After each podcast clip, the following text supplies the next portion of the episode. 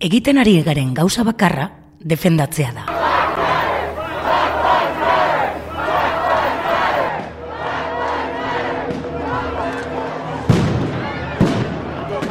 Gerra. Entzu idazu, zapaltzaile, entzun zer esaten ari natzaizu. Kolpelatza, emate gaude. Kaleetan gure eskuekin borrokatuko dugu, plan bat daukagu, eta entzu idazu orain. Zaude prez, astindu ederra hartuko duzu eta.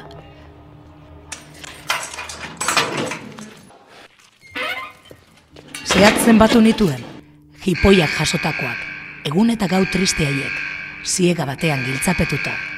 Pasatako gau eta egun triste haiek, gupidari gabeko tortura ordu haiek. Nire bihotza, birrindu zuten kolpe haiek. Hori guztia bukatzear dago orain. Egiten ari garen gauza bakarra, gure burua defendatzea da.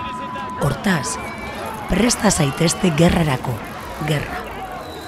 Askatasuna kontu serioa da.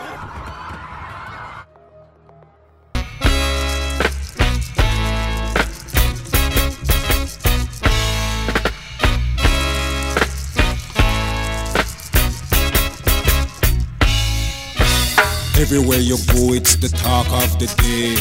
Everywhere you go, you hear people say that the special patrol them a murderer.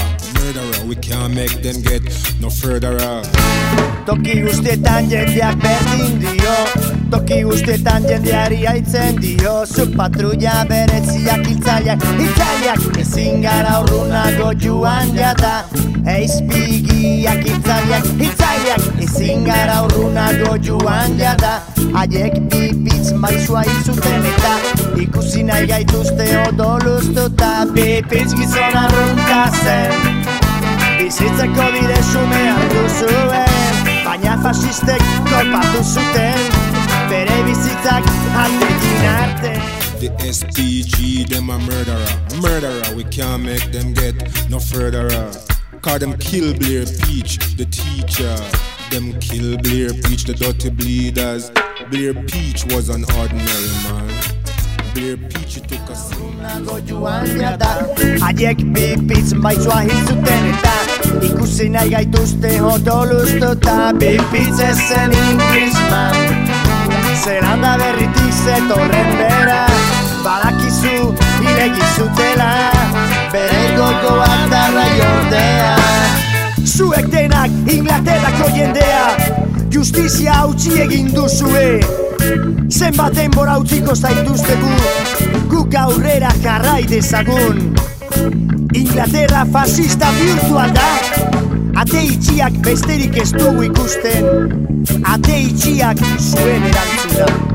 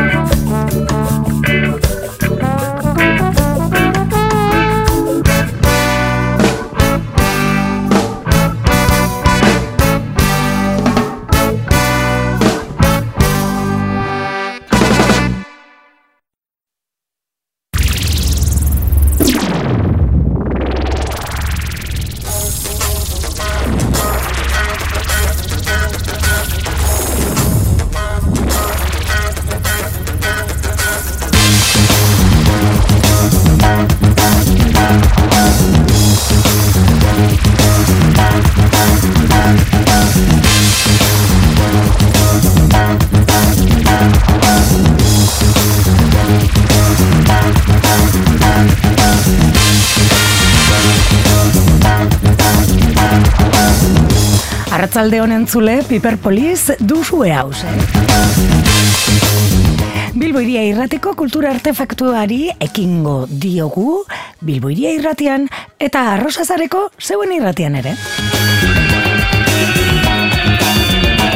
Gaur literatura protagonista gurean batetik eneko barberen, barberenarekin egin dugu itzordua, txalaparta argiteletzarekin batera eta hilbeltzaren beka jaso ostean, zuak erreko ezbalu eleberria argitaratu berri du.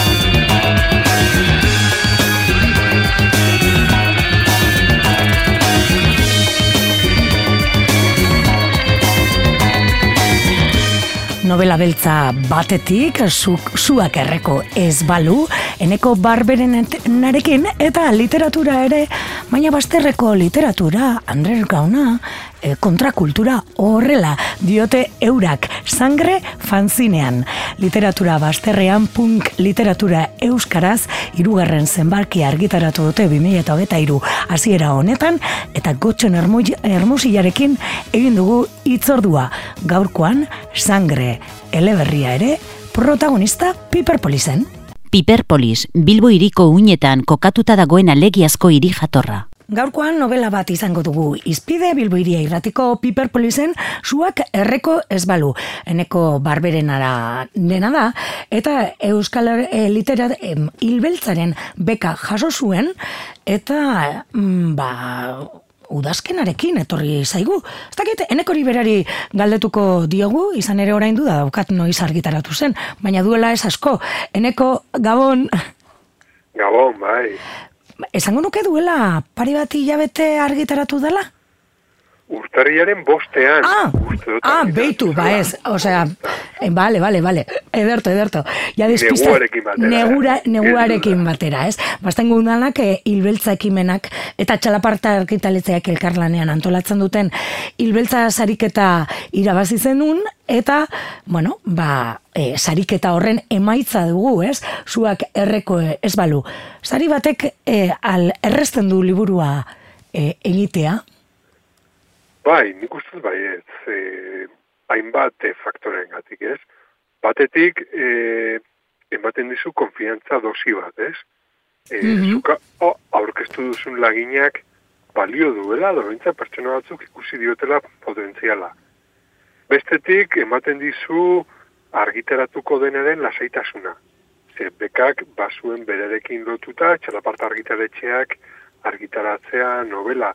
Torrek, bueno, ba, emate izun nola diteko tranquilidadea, ze bakizu gongo daratzean mm -hmm. serio bat, editore bat, eta hirugarrenik ere ematen du dirua, mhm. eta hori ere ondo tortzen da, sorte bat, entza, zeagatik ez. Bai, bueno, aeskoa e, baianan edo kokatu duzu e, el liburua, no? la beltza da, hilbeltza bueno, e, entzulearen zatezpadaki, bueno, ba, e, e, literatura beltzek, beltzeko bai ardunaldiak e, dira, bastanen e, ospatzen direnak, eta mendizute baten batean hiru mendizalie hil eta geroko ikerketa batzen duzu, ez? Ainua dugu protagonista, baina ez da polizia, ez da ere ez detektibea, peritua da aldiz, ez? Bai, e, peritua da batetik ez Ez delako kurritzen mm -hmm. detektibe zein ez gaur egun, ez zen da zelako izango detektibe bat.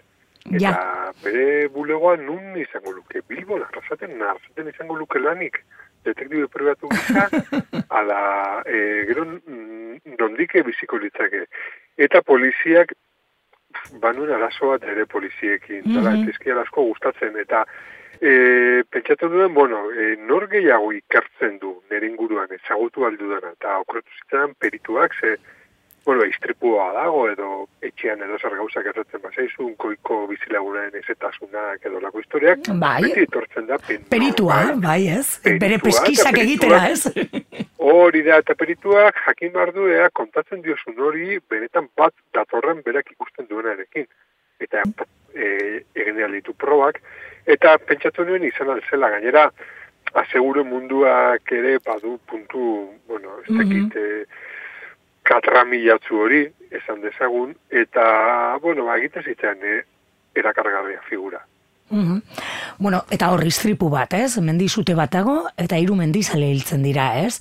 Eta hori ere bada gaietako bat, eta entzun izan dizugu esan ez, ba, horren inguruan ere berba egin nahi zenuela. Bai, e, beka irabaztita gutxira gainera gertatu zen laurrun mendiko zutea, Bai? eta oso garbi ikusi ziren bi postura kontrajarri, ez? Mhm. Bata metodo tradizionalaren aldekoak, esan dezagun hori da paisaia kontrolatzeko eta goiko larreak mantentzeko metodo tradizionala, baituna bere arriskuak, eta bestea da hiritarren ikuspegia nun mendia ez den ikusten lan ere mugisa gehiago aizialdirako, eta e, praktika barbarozat hartzen den, ez? Eta nahi nituen apur bat, bueno, ba, bi ikuspegia kontra jarrit ikusi, bueno, ba, badago hor gatazka puntu bat, Bai? segia da, gero eta animali gutxiago egonda, gero eta zaiagoa dela paisaia, ezagutu dugun paisaia hori mantentzea, eta e, kontra da, ba, karo, arrisku handia du, ze e, gertatu aldira istripuak, edo mendiak egizkaltzea horrek ekartzen duen kalte ekologikoarekin, eta gero ere durrenik klimaldaketa hau kolokan jarriko du. Mhm. Ze, gero eta prezipitazio gutxiago dugu, pentsa, e, bart egon da zute bat oi hartzunen, eta zeiek esango zigun otxaian mendizuteak egongo zirenik. Bai, bai, harrigarria da.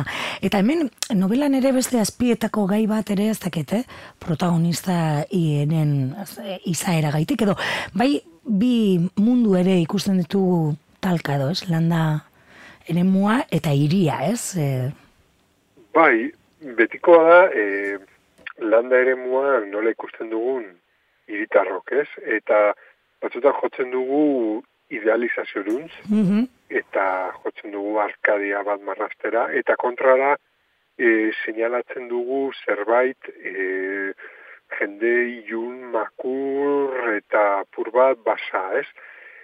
Nik nahi nuen beste zerbait bilatu, ez? E, zerbait urbildu alzena apur bat nik ezagutzen dudan e, aezkoa horri, eta legindu beste ñabardura batzuk jartzen, ez? Eta gertuago ikusten nuen dekatorrosak lanean e, ko, e, komikien aipatzen diren pasarteak Mhm. idatzetik, eta ez adibidez azbestaz pelikulan e, markatzen dena.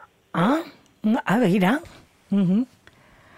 Mhm. Ze, e, claro, e, ez dakit, e, badugu eta askotan novela beltz batzuk irakurtzu irakurri ditut, azken Bai. urte hobeten, ba, dokumentatzeko eta eta askotan esaten nuen, jo, ze ilun agertzen den beti e, landa ere mua, ze jende, Bai. klase, mesfidati, eta claro, ean normala da, zu norbait kanpoti bator galderak egiten normala da mesfidati izatea.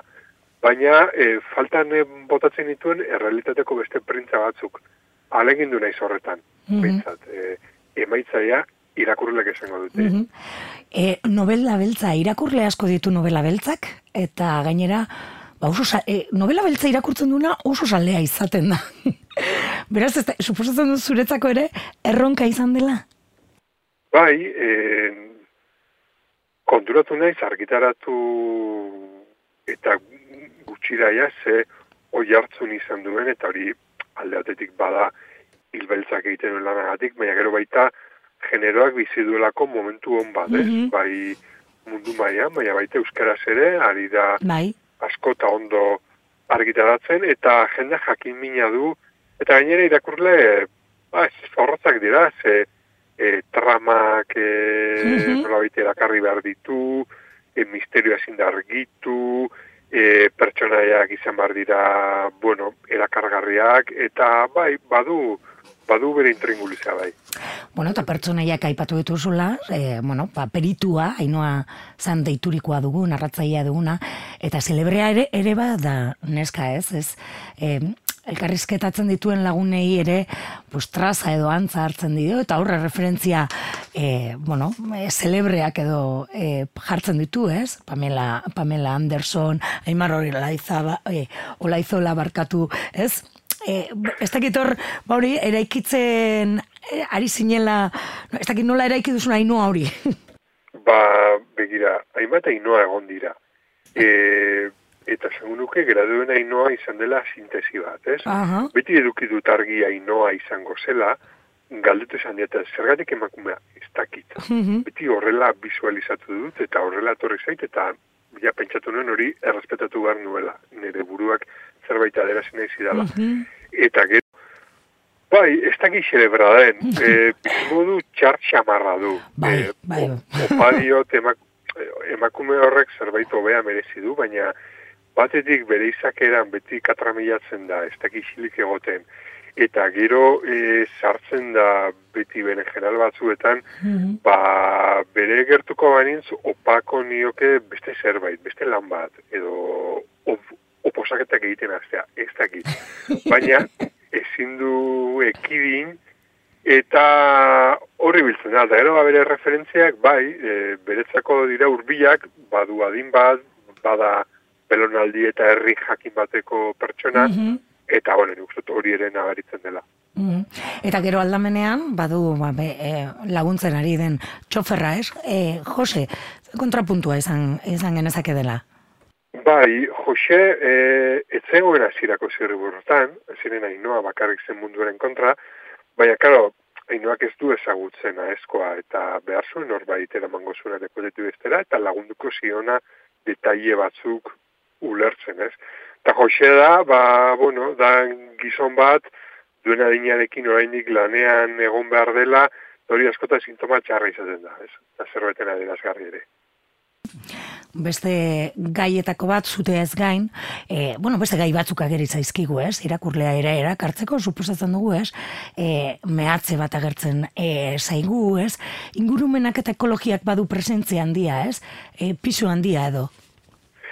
Bai, baina azkenean badelako eremu beraren artean dagoelin interes talken artean interes fuertenetakoa gaur egun, ez? Mm Mhm. -hmm. azkenengo fikzio ezagunetakoak denetan dago horlako planen bat, alkarraz eta azbestaz, Mhm. azkenean Bai. horrekin lotuta daude, eta gaur egun ere enpresa norbegiar ezagun bat planteatzen ari den parke eoliko inguruko eztabaida bizi-biziri dago. E, uste dut, e, baduela zerikusia, lehen, lehen aipatu dizudan, mendia ulertzeko modu horrekin ere, ez? Ta, e, ea e, ze interes dagoen horratzen, kasu honetan interes ekonomikoak dira, eta karo hori aurre egiten dion mugimendu ekologista, nolabait kontserbazionista bat, eta irute zitzaidan bazela, bueno, trama sendotzeko elementu polit bat. Ze, bueno, zoritxarrez edo zorionez, bada eztabaida bi biziri dagoena Euskal Herrian. Bueno, eta aipatu duzula ere, eh, ez dakit, e, leize txiki agertzen zaigu e, aipatzen duzu liburuan momentu batean, justo duela bi aste, albiste e, izan genuela, ez? E, ez da gai nagusia, ez? Baina kasualitateak dira ere gai horrekin zerikusia badutenak.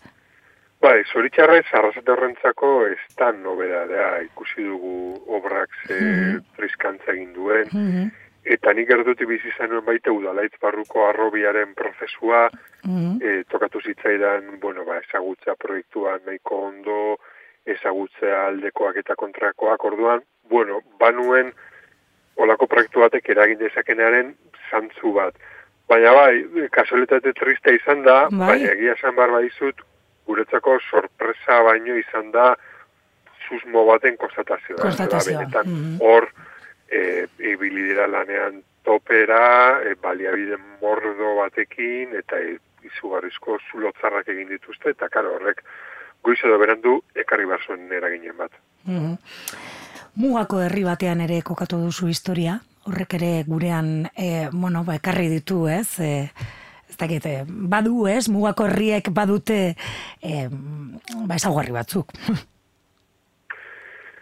Bai, bai, badute iragan hurbil bat, gaur egun idealizatuta dagoen hain baten, kontrabandoaren e, historia guztia, Mhm.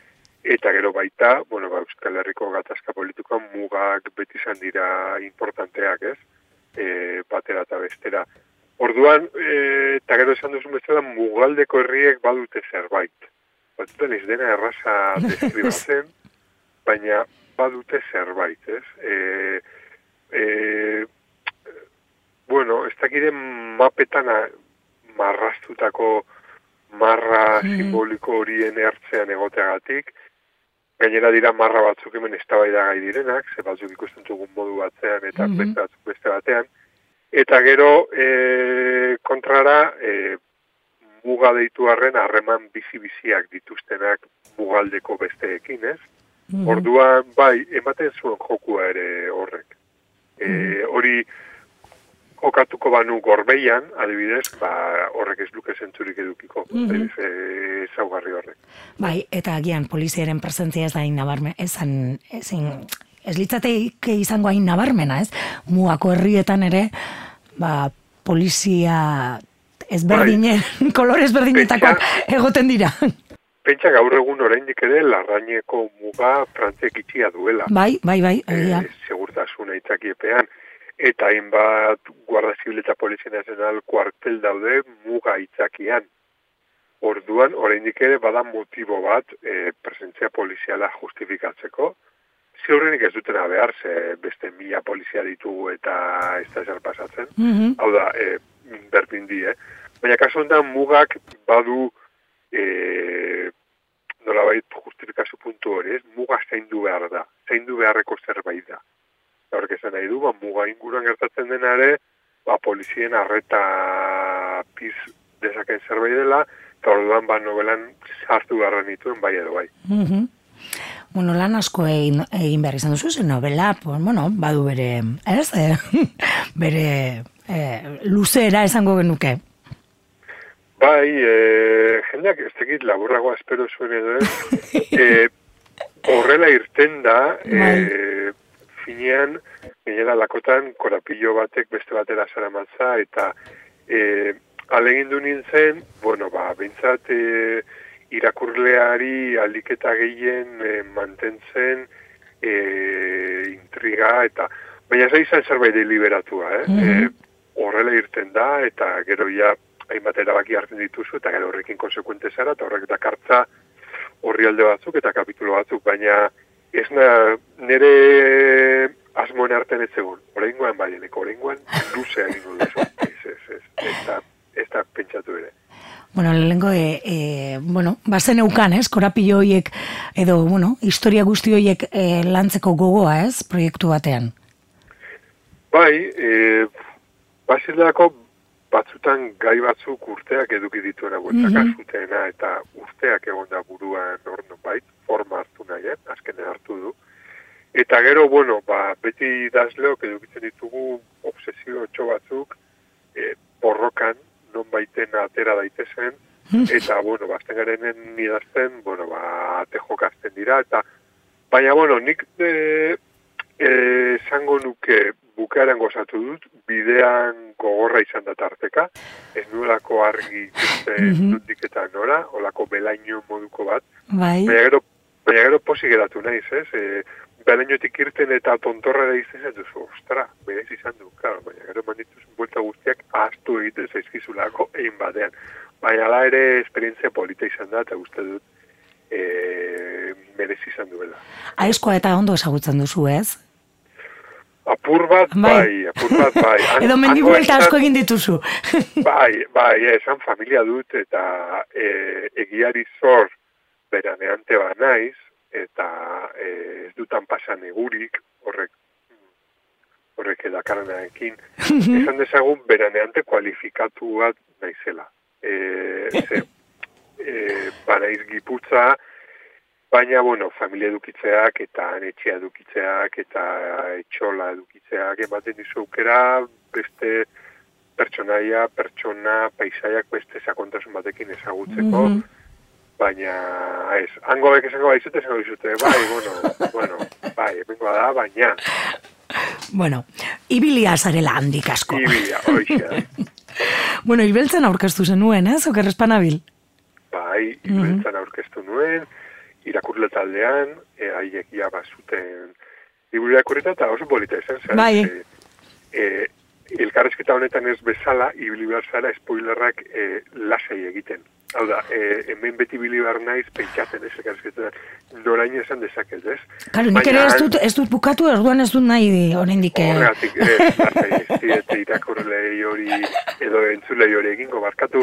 Baina kasu hortan, ez, kasu hortan, hitz egin dezakezu lasai asko, eta oso polita da, ze, bueno, ematen dizu aukera, eta beti irakurleek ematen dizute, ohartu detzaren zerbaiti buruzko, bizta ez duzu, ostra, e, ba, jabetu gabe, zergatik egin duzu hau, ez, ba, ez dakit, zergatik egin dudan, baina, egia da.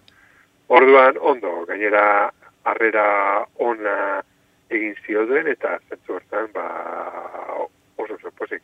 Bai, ze askotan, e, idazlei e, gertatuko zaizu, ez?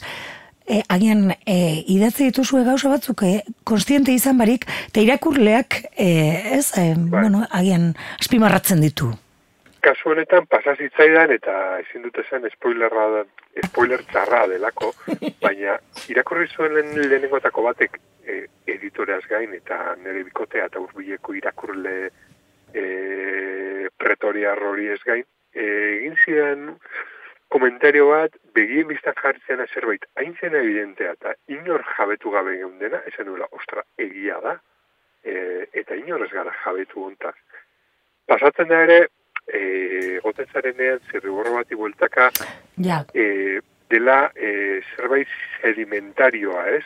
Hainbat zirriborro daude zirriborroaren barruan. karo. Eta e, ikusten duzunean pertsonai bat, agian pertsonai sekundario bat, ari zara ikusten honek duela hiru zirriborro asko rol garrantzitsuagoa zuen, baina agian kendu dizkiozu horri alde mordo bat, ze erabaki batzuk hartu behar dituzu, Mhm. eta geratzen da sedimentu pertsonai bat, orduan irakurtzen duzu, zuk ba, bere background guztia, baina... Claro, esemat buelta edo esemat kendu diozun, ez? agian. Hori da. Aldiz beste bat, ekartzen duenak zerotik, derrepente ze dizu, eneko, zerua urdina, ez duzu, konturatu, kalo, ze, duela bi bertxio, ekaitz bazen, e, duela hiru bertxio e, lurrera untxi bat, eta bukaren zerua urdina geratu da. E, hau asko simplifikatzea sorte prozesua, baina badu hortik zerbait, nik uste. Mhm. Bueno, orain, e, irakurlegarekin e, konpartitzea, gozatzea geratzen zaizu, hori tantaka e, etortzen da, ez? E, Zer, karo, danok Bai. e, aldi berean ez dugu liburua irakurtzen, beraz, Eh, prozesua luzeagoa izaten da, eta bai, joango zara jasotzen, ez? Bai, harinez jasotzen, era berean jabe naiz izebergaren fenomenoa, ez e, oso konfiantzazko edo oso etxaia izan behar da norbaitek kritika txar bat egiteko autoreari Mhm. horrez aurre ez. Ba, normalean entzuten dituzunak izaten dira, ba, gustatu zaizkienak, eta jendea posik. Oro har esango nuke jendea posi dagoela, Mhm. eta e, urbilu zaidala ere e, jende ezaguna e, soriontzera, eta hori niretzako ba, oso oso posgarria da. E, bai, izaten da polita, baina ziren, karo, izaten du susto momentu hori, eh? zure buruan, Bai, urte egon den horrek, zer, e, karo, irutzen zaizu dena idea maravillosoa dela, baina Bai. ez dakizu parekoak nola hartuko duen, eta momentu hortan, e, txirbezak esaten zuen, bakardadea undiena dela idazlearena, ez dakit hain dramatikoa den, Mhm. baina badu puntu hori ez, ostra, ni niretzat hain borobila zen hau, honentzat zer da? Zelea hartuko du, zer bakoitzak bere etxetik, bere momentutik, bere bizipenetatik hartzen du. Bai. Batzuk aezkoan mapan jarri ere ez, beste batzuk ondo ezagutu, Mhm. aezkoan modu batera irakurriko da, arrazoten beste batera, bilbon beste batera, bueno, hor, hor dago jokoa. Baina bai, oroar jasotzen ari naiz feedbackak, e, nire tamainan, e, da, modu xume baten, baina oso politaria izaten. Mhm. Bueno, ba, espero dugu horrela izaten jarraitzea. Guk eh, gomendio lusatuko diogu entzuleari ere, txalaparta argitaletzeak argitaratu du, zuak erreko esbalu, neko barberenaren azkena. Ba, eskerrik asko eneko, tartetxo hau gurekin konpartitu izana, izanagaitik, plazerra izan da beste, beti bezala. Eskerrik asko zuei. Agur, bai. Agur, gabon.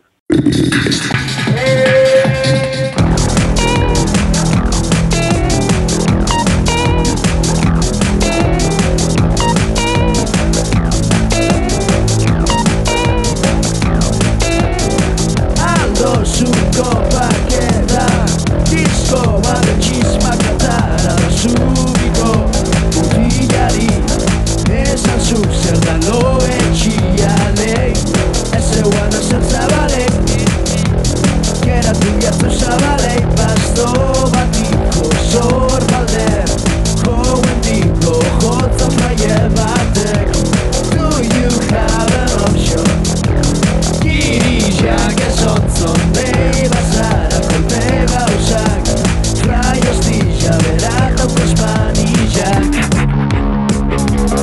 body in flames. A che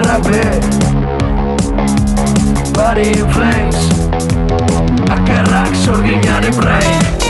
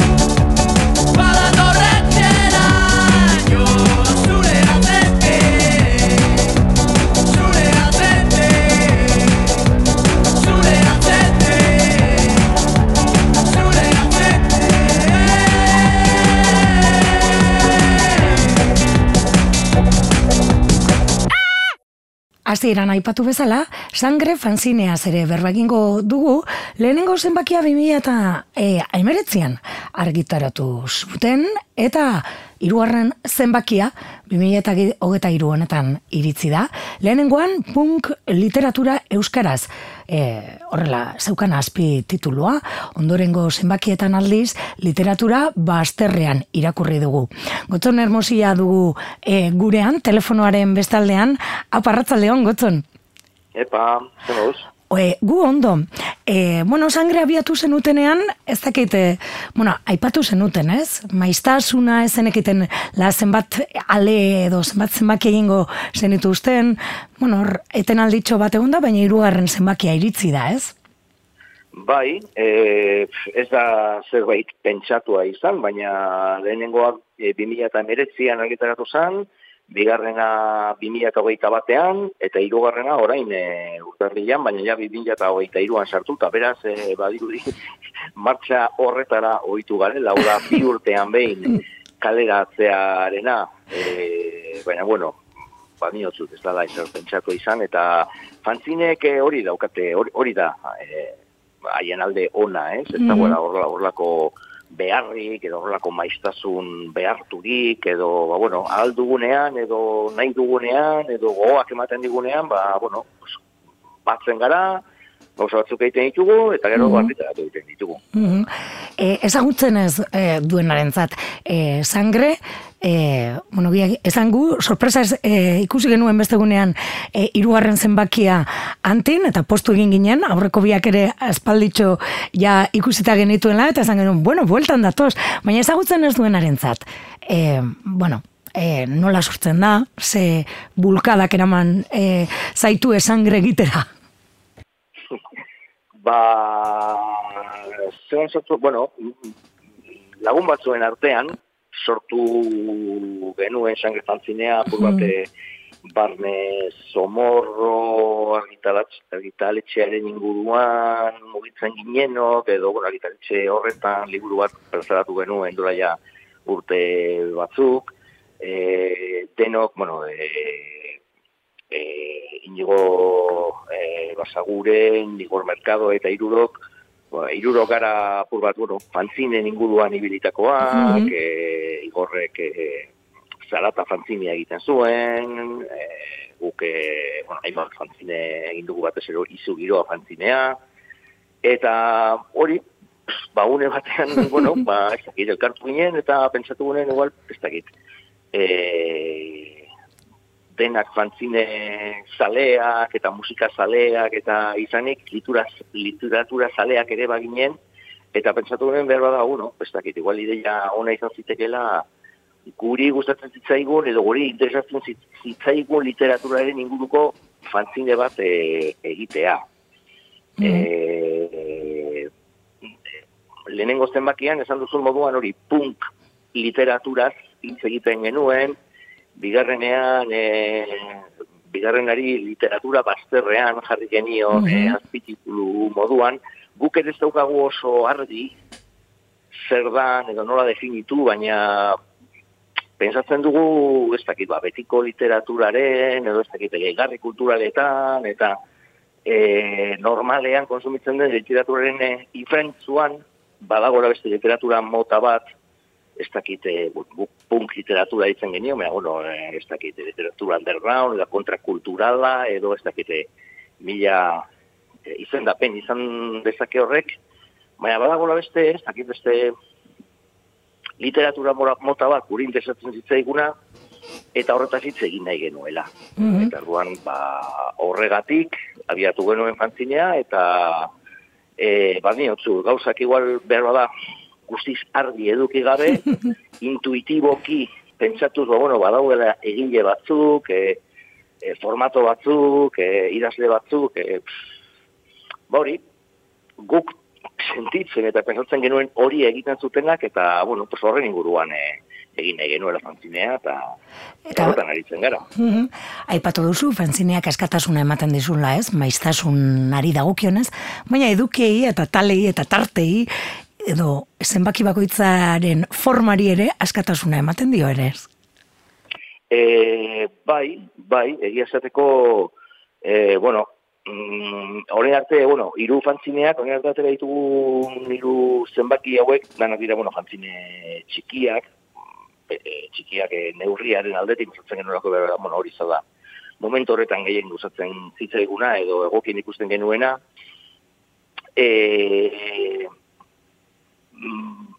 baina egia da horretan askatasunez jokatzen dugula Mhm. esan nahi dute. Berba da, aldizkari normal batean ez dakit, ba, ipuin bat plazaratzea edo ba ez dakit, ipuinaren luzeari dagokionez berba da, ba ez dakit, igual ipuin batek eh, horri asko Mhm. alditzake eta horrek, eh, bueno, ez igual beste formatu batean ba, astuna sortatu daiteke edo ez dakite, gu egia esateko normalean ez gara horrelako kontuetan katramilatzen, zerbait gustatzen zehatzen gara hori gauza ez oso luzeak egiten, edo oso oso astunak, edo, baina bueno, horrek askatasun ematen digu, eta bueno, pensatzen badugu elkarrizketa bat interesgarria dela, eta elkarrizketa horrek eh, amar horri alde behar dituela, ba bueno, ba amar horri alde egiten ditugu elkarrizketa horrekin.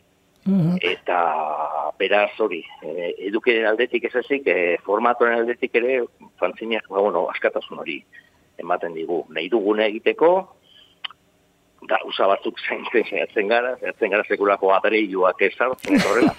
Baina edukiaren aldetik, luzeeraren aldetik, e, diseinuaren aldetik, ba bai, batek, bai behar bada, aldizkari formal batek ematen ez dituen erraztasun batzuk ematen ditu. Izenari e, erreferentzia egingo diogu, sangre, e, nondik dator? E, da, egia esateko neuk proposatu nuen, baina ez dakit oso ondo, nondik. Badakite sangre Ipar Euskal Herriko euskalkietan, ba hori, minbizia adierazteko hitza dala, Mhm.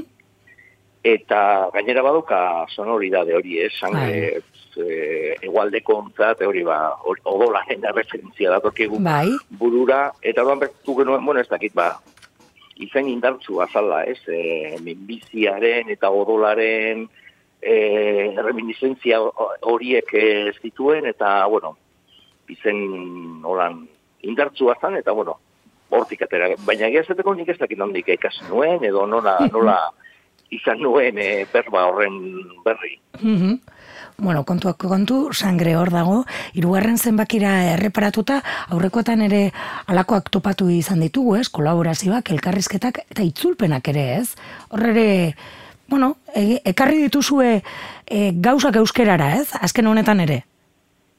E, bai, mm, lehen esan da moduan, hori, e, e, alde batetik e, hori, geuk eta geur inguruko jendeak eta gure lagunek idazten dituzten gauzak plazaratzeko bidea da e, zera, e, sangre.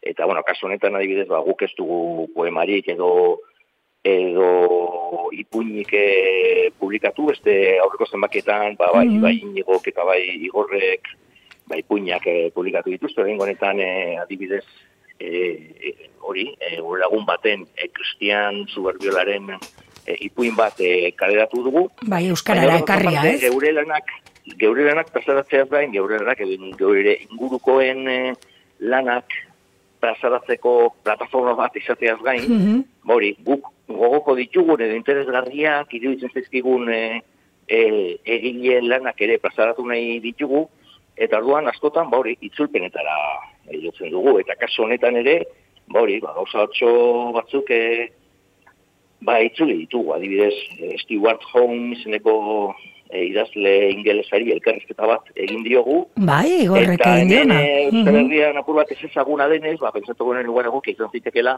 elkarrezketarekin batera, ba, haren e, ipuin bat, edo haren narrazio bat e, itzultzea. Eta itzuli egin dugu. Mhm, eta uste bai. gainera, lehenengo aldia dala Stuart Home e, Euskaraz irakurri dugula. Hil zaitzatela narrazioa ekarri duzu euskarara, eta aipatu duzun bezala, ba, igorrek berak, e, bueno, ba, elkarrizketa egin dio e, es- e, berari, ez? E, bueno, Bai. e, imeiez. Bai, Hori kontatzen egin dio, e- Elkarrizketa egin dio, eta elkarrizketa, gainera, bueno, elkarrizketa, bueno, irakurri baduzue, ikusiko duzue oso tipo interesgarria, Bai, bai. baina oso interesgarria dala. Ez genuen ezagutzen. Ezagutzen du, eta Euskal Herrian inguru referentzia batzuk eh, egiten ditu elkarrizketan, eta eta igorrek esan didanez, gainera, bueno, hori, eh, azken fatzinaren ale bat, helarazi diogu, Mhm. Eta antza denez, ba, oso, oso posik dago, eta asko gustatu zaio fantzinia bera, fantzinien ideia, eta, eta, eta hori, eta bere burua fantzinean e, ikusi izatea. Begira. E, bestetik ere, Alberto Pun, e, Punetiri, Prunetiri ere egiten diozu elkarrizketa. Hau agian e, ezagunagoa izan daiteke, ba, bere triologiara, triologia gaztelaniaz e, irakurtzeko ere aukera izan delako, ez? E, working class edo langileen e, ba, klasen inguruko hiru novela idatzi ditu, ez? Amianto, eh, eunda sortze, 108 metros, eta el círculo de los bla- blasfemos. Eta ez duela asko ere, hemendik eh, ibili zen eh, itzaldi batzuk ematen.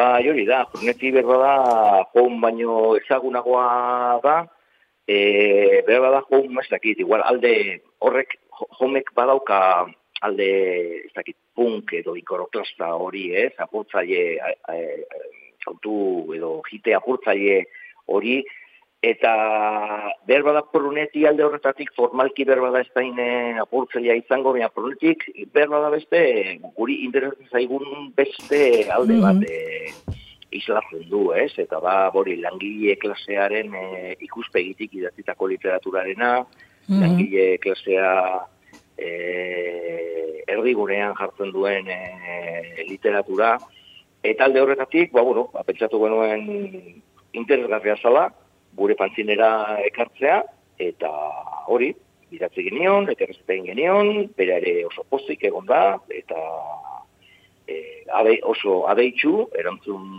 digu, egin Mhm. dizkiegun galdera guztiei, eta haren hitzak, ba hori, e, sangren azken zenbaki horretan iraku zitzakezue.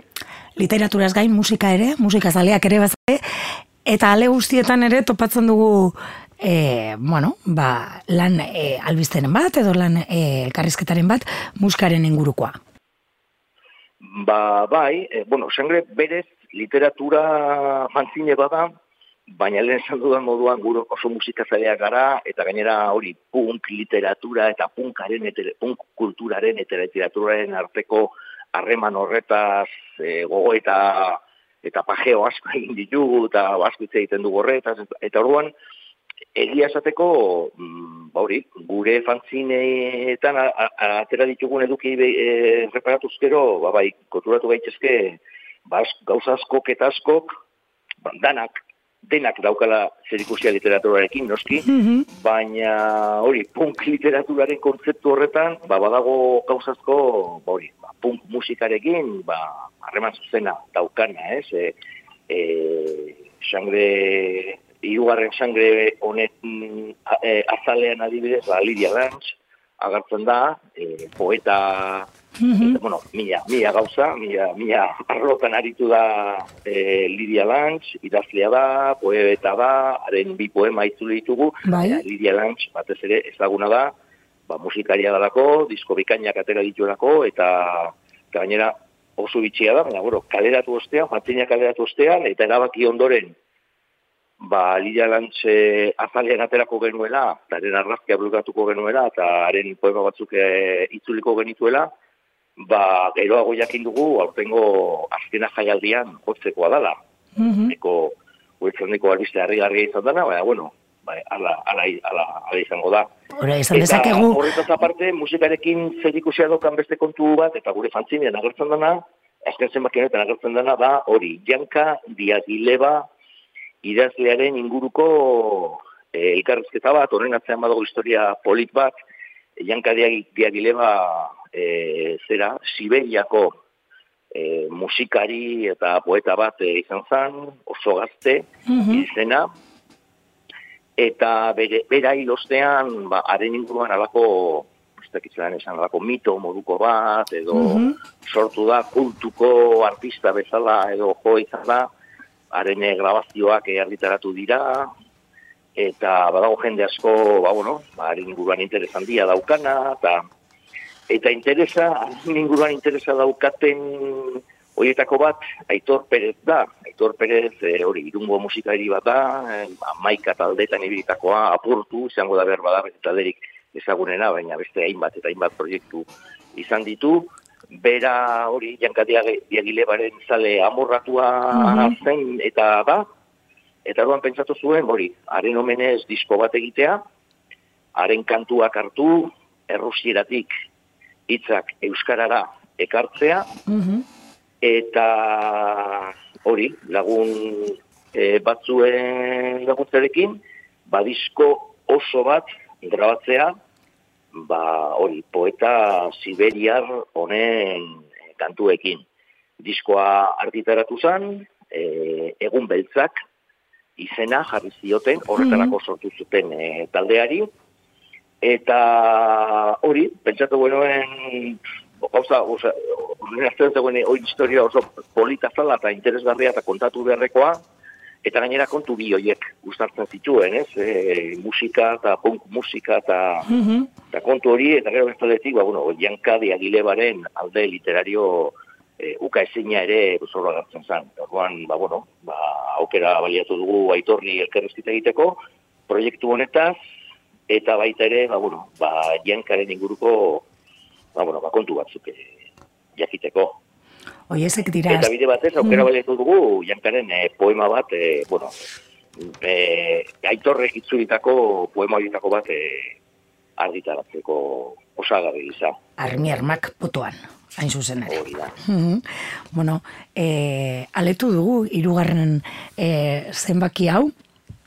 E, bueno, ez dakit, e, en, bueno, banaketari dagokionez, gu antin ikusi izan dugu beti, e, suposatzen dut e, beste lekuren batean ere izango dela, eh, sangre. Bai, momentu segia esateko Bilbon baino ez dago salgai, antin eta dedeten, eta orain pendiente daukagu ba, Euskal Herriko beste txoko batzuetara e, bialtzearena. Karo, ose, hau Eh, oso manuala da, ez? Norberak egin dena, Bai. eta norberak egin banak eta lekuetara eraman, eta holan, ez? Lehenengo, eh, lehen egiten zen bezala. Hori da, it yourself filosofiari oso ondo dago, baina batzutan nahiko nekeza da dina norberak egin behar izatea. Eta banaketarena gainera da, hori kontu bat, e, bueltzataztun samarra izaten dena, ba, baina no. Pazientzia apur batekin, ba, apurka-apurka, nintzu dut, ba, bueno, ba, aurreko zenbakiak bezala... Joango da iristen, ez? Hori da, iritsiko dala, ba, hori ba, donostiko, donostiako kasildara, e, iruñeko katakrakera, eta apur bat, ba, bueno, zirkuitu alternatibo kontrakultural horretan mugitzen diren liburu denda eta aretoetara ba, apurka-apurka iritsiko dala. Bestela, beti dago i, e, postaz eskatzeko aukera. Beraz, e, bueno, hori ere badago, eta nahi izan ezkero, ba, edo zeinek e, eskagezake. Bihur- Zenbaki hau, eta horreko zenbakietatik oraindik ale batzuk. Ale batzuk ere geratzen ere- dira. Mhm. Hori da, horiek ere momentuz, e, salgai daude, zaizke, nahi izan ezkero. Beste bi urte itzaron beharko dugu, beste bulkada bate izateko eta beste sangre bat ateratzeko. Ba, egia esateko ez, dakit, espero dut, ez, espero dut, e, hau 2008an atera dugu, baina 2008ko hasiera, e, da. urtarrilaren lehenengo Bai, egunetan atera dugu, beraz, e, urte oso bat daukagu, e, ba hori, bi urteko epe hori Apurtzeko. berriro ez egiteko, eta, bueno, eta lehenago ateratzeko, baina, bueno, ikusiko dugu, ikusiko dugu, a ber. Bueno, bitartean, e, nahi duenaren hor daude hiru zenbakiak, azken aipatugun bezala urtarrilean argitaratuta, eta gaurkoan, ba, gotzonekin batera letu duguna. Gotzon, eskerrik asko tartetxo hau eskaini izanagaitik, Oso, no, mi ez zuei. eta tira, ba, gonbitea lusatuko diegu entzulei ere, e, bueno, ba, fanzinera, edo fanzin mundura ere hurbiltzeko, ez? Ba, bai, nik uste dut, azken honetan, e, bueno, denetari dago, mm, e, ematen zuen e, panorama makal samarra zala, baina bolago honetan ematen dugu beste fakzine berri batzuk ere sortu direla. bai, berpizpen bat, bezala, ez? Mm, Ez dakit, ber- ez dakit ber, berpizkundea igual gehiegi zeateratzen da, baina, baina bueno, ez da inoiz geldirik dagoen e, e, arro bat eta beti daude nobedadeak, beti daude gauzak eta Mhm. eta oso gauz interesgarria. Nik uste dute antira edo dedetera joatea eta bueno, hor daude fantzineetan arakatu eta nik uste dute interesgarria dela beti topatuko ditugulako gauz interesgarriak. Mhm. Ba, hauek esan da, gurtuko zaitugu eskerrik asko, e, gotzon. Mi ez zuei, Bai, agur. venga ba, gerarte, agur.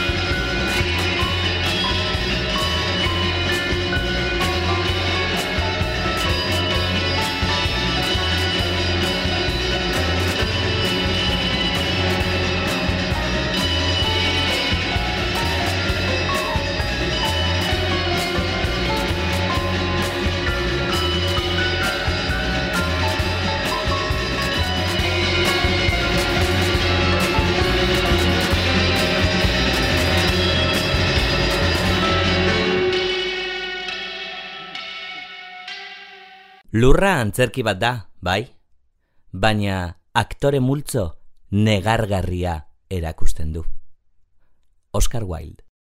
Hau ezek izan dira gaurko prestatu ditugunak, zazpigun barru batuko gara, hementxe uinetan, arrozazareko zeuen irratian, eta nola ez, Bilbo iria irratian, guretxean.